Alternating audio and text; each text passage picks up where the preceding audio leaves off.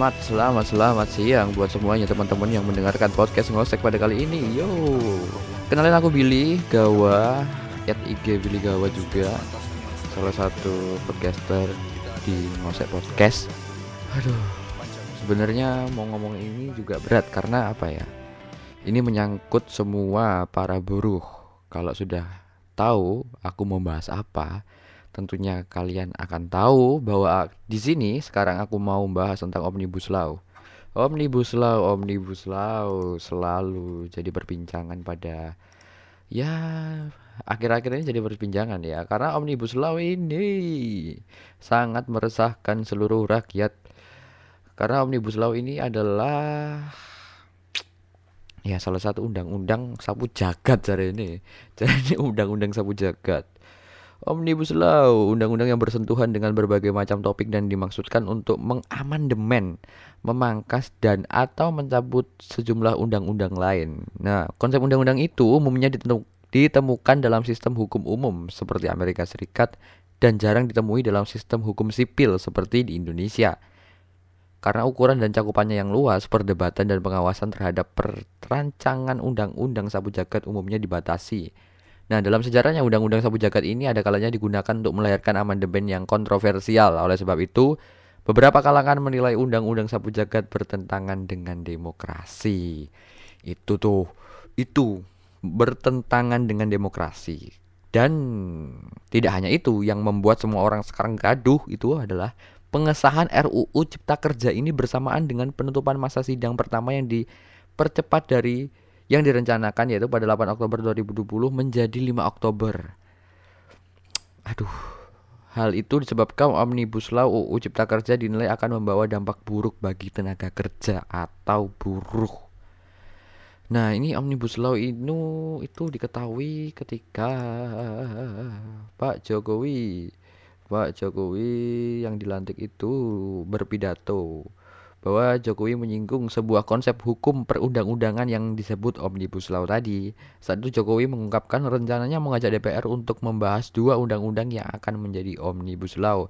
Pertama itu Cipta Lapangan Kerja dan Pemberdayaan UMKM. Nah, isi Omnibus Law Cipta Kerja. Konsep Omnibus Law yang dikemukakan oleh Presiden Jokowi banyak berkaitan dengan bidang kerja pemerintah di sektor ekonomi. Diberitakan pada kompas.com 21 Januari 2020, pada Januari 2020 ada dua Omnibus Law yang diajukan pemerintah yaitu Cipta Kerja dan Perpajakan.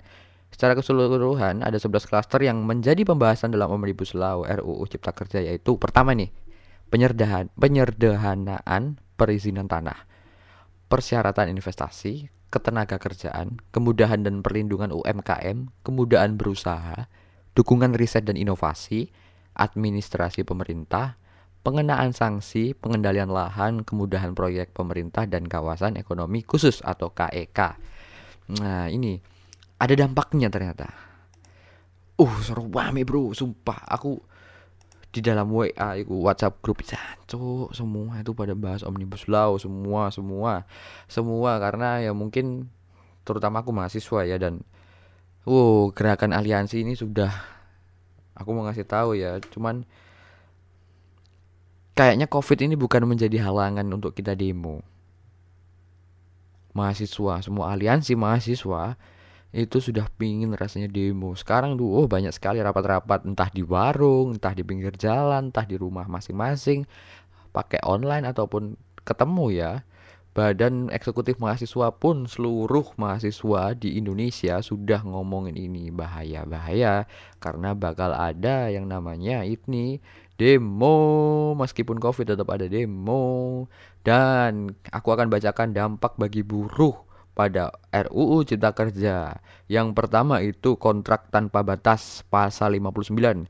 UU Cipta Kerja menghapus aturan mengenai jangka waktu perjanjian kerja waktu tertentu PKWT atau pekerja kontrak. Nah, di mana ini pada pasal 59 ini UU Cipta Kerja menyebutkan ketentuan lebih lanjut mengenai jenis dan sifat atau kegiatan pekerjaan, jangka waktu dan batas waktu perpanjangan perjanjian kerja waktu tertentu diatur dengan peraturan pemerintah. Wow, ini loh, ketentuan baru ini berpotensi memberikan kekuasaan dan keleluasaan bagi pengusaha untuk mempertahankan status pekerja kontak tanpa batas. Hari libur dipangkas, aturan soal pengupahan diganti, Hmm. Sanksi tidak dibayar upah dihapus. Hak memohon PHK dihapus. Semuanya dihapus yang berhubungan dengan buruh. Nah, kalau yang biasanya di IG-IG tuh ya, kita lihat kan ada poin-poin RUU Cipta Kerja yang disorot buruh. Pertama, upah didasarkan persatuan waktu. Ketentuan ini membuka ruang adanya upah per jam. Ketika upah dibayarkan per jam, maka otomatis upah minimum akan hilang. Ingat, kita semua ini buruh. Aku pun buruh. Aku masih bekerja ikut orang dan aku juga kuliah. Yang lain juga buruh. Ini kalau upah minimum hilang, gimana dong? Hah? Makan apa kamu? Kalau kamu dibayar per jam. Upah minimum hanya diberdasarkan pada UMP, upah minimum kabupaten. Upah minimum sektoral kabupaten kota kota dihapus. Wow. Sanksi pidana bagi pengusaha yang membayar upah di bawah upah minimum dihilangkan. Jadi untuk bos-bos kamu tuh nggak bakal kena sanksi coy kalau kamu nggak dibayar dengan upah minimum. Jadi ada lagi tidak ada denda bagi pengusaha yang terlambat membayar upah. Hmm. Pekerja yang di PHK karena mendapat surat peringatan ketiga tidak lagi mendapatkan pesangon. Pekerja yang mengundurkan diri tidak mendapat, mendapatkan apa-apa. Pekerjaan yang di PHK karena terjadi perubahan status, penggabungan peleburan atau perubahan kepemilikan perusahaan tidak lagi mendapatkan pesangon. Pekerja yang di PHK karena perusahaan tutup yang disebabkan perusahaan mengalami kerugian secara terus-menerus selama 2 tahun atau keadaan memaksa tidak lagi mendapatkan pesangon. Pekerja yang di PHK karena perusahaan apa ini, cok, pilot tidak lagi mendapatkan pesangon. Pekerja yang meninggal dunia kepada ahli warisnya tidak lagi diberikan sejumlah uang sebagai pesangon. Pekerja yang di PHK karena memasuki usia pensiun tidak lagi mendapat pesangon. Pekerja yang di PHK karena mengalami sakit berkepanjangan, mengalami cacat akibat kecelakaan kerja ketika PHK tidak lagi mendapatkan pesangon. Pekerjaan yang di PE membebaskan kerja kontrak di semua jenis pekerjaan. Outsourcing bebas dipergunakan di semua jenis pekerjaan dan tidak lagi ada batas waktu. Kewajiban TKA untuk memahami budaya Indonesia hilang dengan demikian TKA tenaga kerja asing tidak diwajibkan bisa berbahasa Indonesia. Nah, itu poin-poinnya yang sekarang sedang dilawan oleh seluruh teman-teman semua Indonesia kayaknya, semua rakyat malahan ini. Semua pada bingung gimana ini bisa terjadi. Apakah Omnibus Law ini sengaja ada dan sengaja langsung di apa ya? disahkan Kenapa disahkan waktu COVID? Apakah ini sebuah momentum?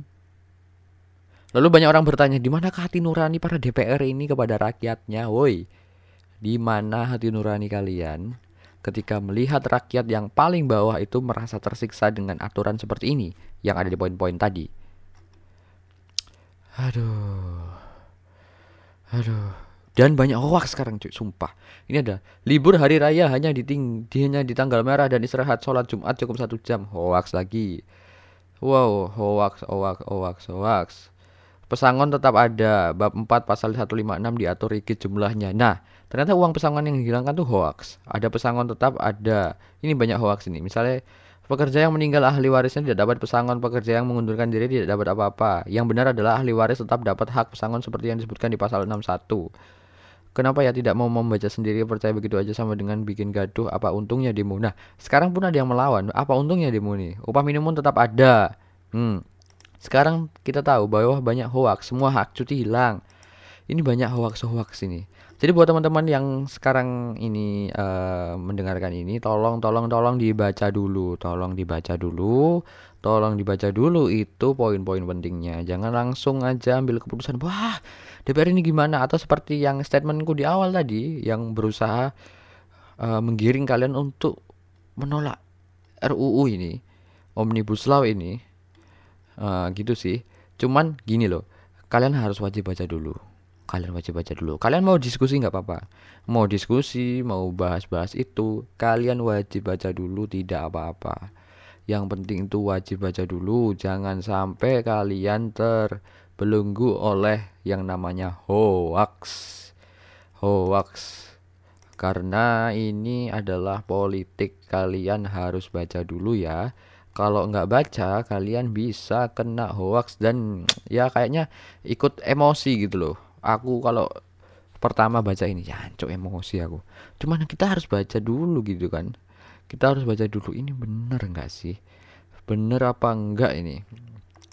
Ini bahkan dari detik.com juga ada Manaker buka-bukaan soal Omnibus Law yang ditolak keras buruh. Pemerintah menegaskan sekali lagi bahwa proses RUU Cipta Kerja sejatinya telah melibatkan partisipasi publik baik unsur pekerja, buruh yang diwakili serikat pekerja, serikat buruh, pengusaha, kementerian lembaga, praktisi, dan akademisi dari perguruan tinggi serta lembaga lainnya seperti International Labour Organization, Menteri Ketenaga Kerjaan. Nah ini loh. Dia menjelaskan rumusan klaster ketenaga kerjaan dalam UU Cipta Kerja adalah intisari dari hasil kajian pakar ahli fokus group discussion atau FGD rembuk tripartit antar pemerintah, pekerja dan pengusaha. Namun lanjut dia pemerintah menyadari bahwa dalam proses penyusunan RUU Cipta Kerja terdapat perbedaan pandangan alias pro kontra. Ida menilai itu hal yang wajar dalam dinamika sosial dan demokrasi. Dan dia menambahkan juga proses pembahasan RUU Cipta Kerja di DPR berjalan dinamis, demokratis, dan konstruktif. Pemerintah menerima banyak masukan dari panja DPR sehingga menghasilkan perubahan rumusan ketentuan dalam klaster ketenaga kerjaan. Nah, teman-teman, sekali lagi baca. Baca, baca. Jangan cuma lihat lalu ikut dan tidak mau membaca, kalau cuma ikut kalian bisa kena hoax. Dibaca dulu, dibaca dulu, oke? Okay? Dibaca dulu. Nah, berhubung ini momentum-momentum seperti ini, aku mau kasih tahu ada lagu yang cocok juga buat kamu kalau mau tahu tentang buruh-buruh gitu ya. Ada dari Siama Musik. Nah, Siama Musik merilis lagu dengan judul Siama. Eh, kok Siama? Siama kan nama bandnya. Dengan judul Masa Buruh, Masa Buruh dengan judul Masa Buruh pas dirilis tanggal 1 Mei tahun 2020 saat uh, tidak ada demo pada saat uh, hari buruh itu ya. Waktu itu tidak ada demo tanggal 1 Mei. Karena kayaknya pas itu ya, pas pandemi kayaknya. Jadi nggak ada demo. Tapi ini kalian harus tahu lagunya enak. Oke, sekian aja. Semoga teman-teman bijak dalam membaca. Pahami dulu, literasi kita kurang memang. Kita Indonesia literasinya kurang, tapi baca dulu. Kita pahami dulu, kita kritisi dulu. Sangat baik untuk berdiskusi soal ini karena ini menyangkut seluruh negara, eh seluruh negara, seluruh rakyat. Negara siapa yang negara Indonesia yang buat kok para DPR-nya gitu kan. Nah, buat teman-teman, kalau kalian cinta Indonesia, kalian itu wajib kritis kritis terhadap negara sendiri tentang perundang-undangan, tentang apa pun lah kalian wajib kritis dan kalian itu bukti loh bukti kalau kamu cinta Indonesia kamu kritis dan kamu menjadi anak muda yang penuh inovasi. Memang kita tahu ya semua ini kayak undang-undang kayak gini tuh punya kepentingan, punya tujuan, punya goals. Namun tetap kita tidak boleh langsung percaya. Kita harus baca, jangan terpancing dengan poin-poin yang belum tentu itu benar. Takutnya hoax kan. Oke, sampai itu aja, sampai di detik dalah sampai belibet ngomongnya yo. Sampai di detik ini thank you yang sudah dengerin teman-teman semuanya para ngosek-ngosekers. Oke lah. Cukup sampai di situ aja ya. Aku Billy dari Ngosek Podcast. Goodbye. Siama musik masa buruh.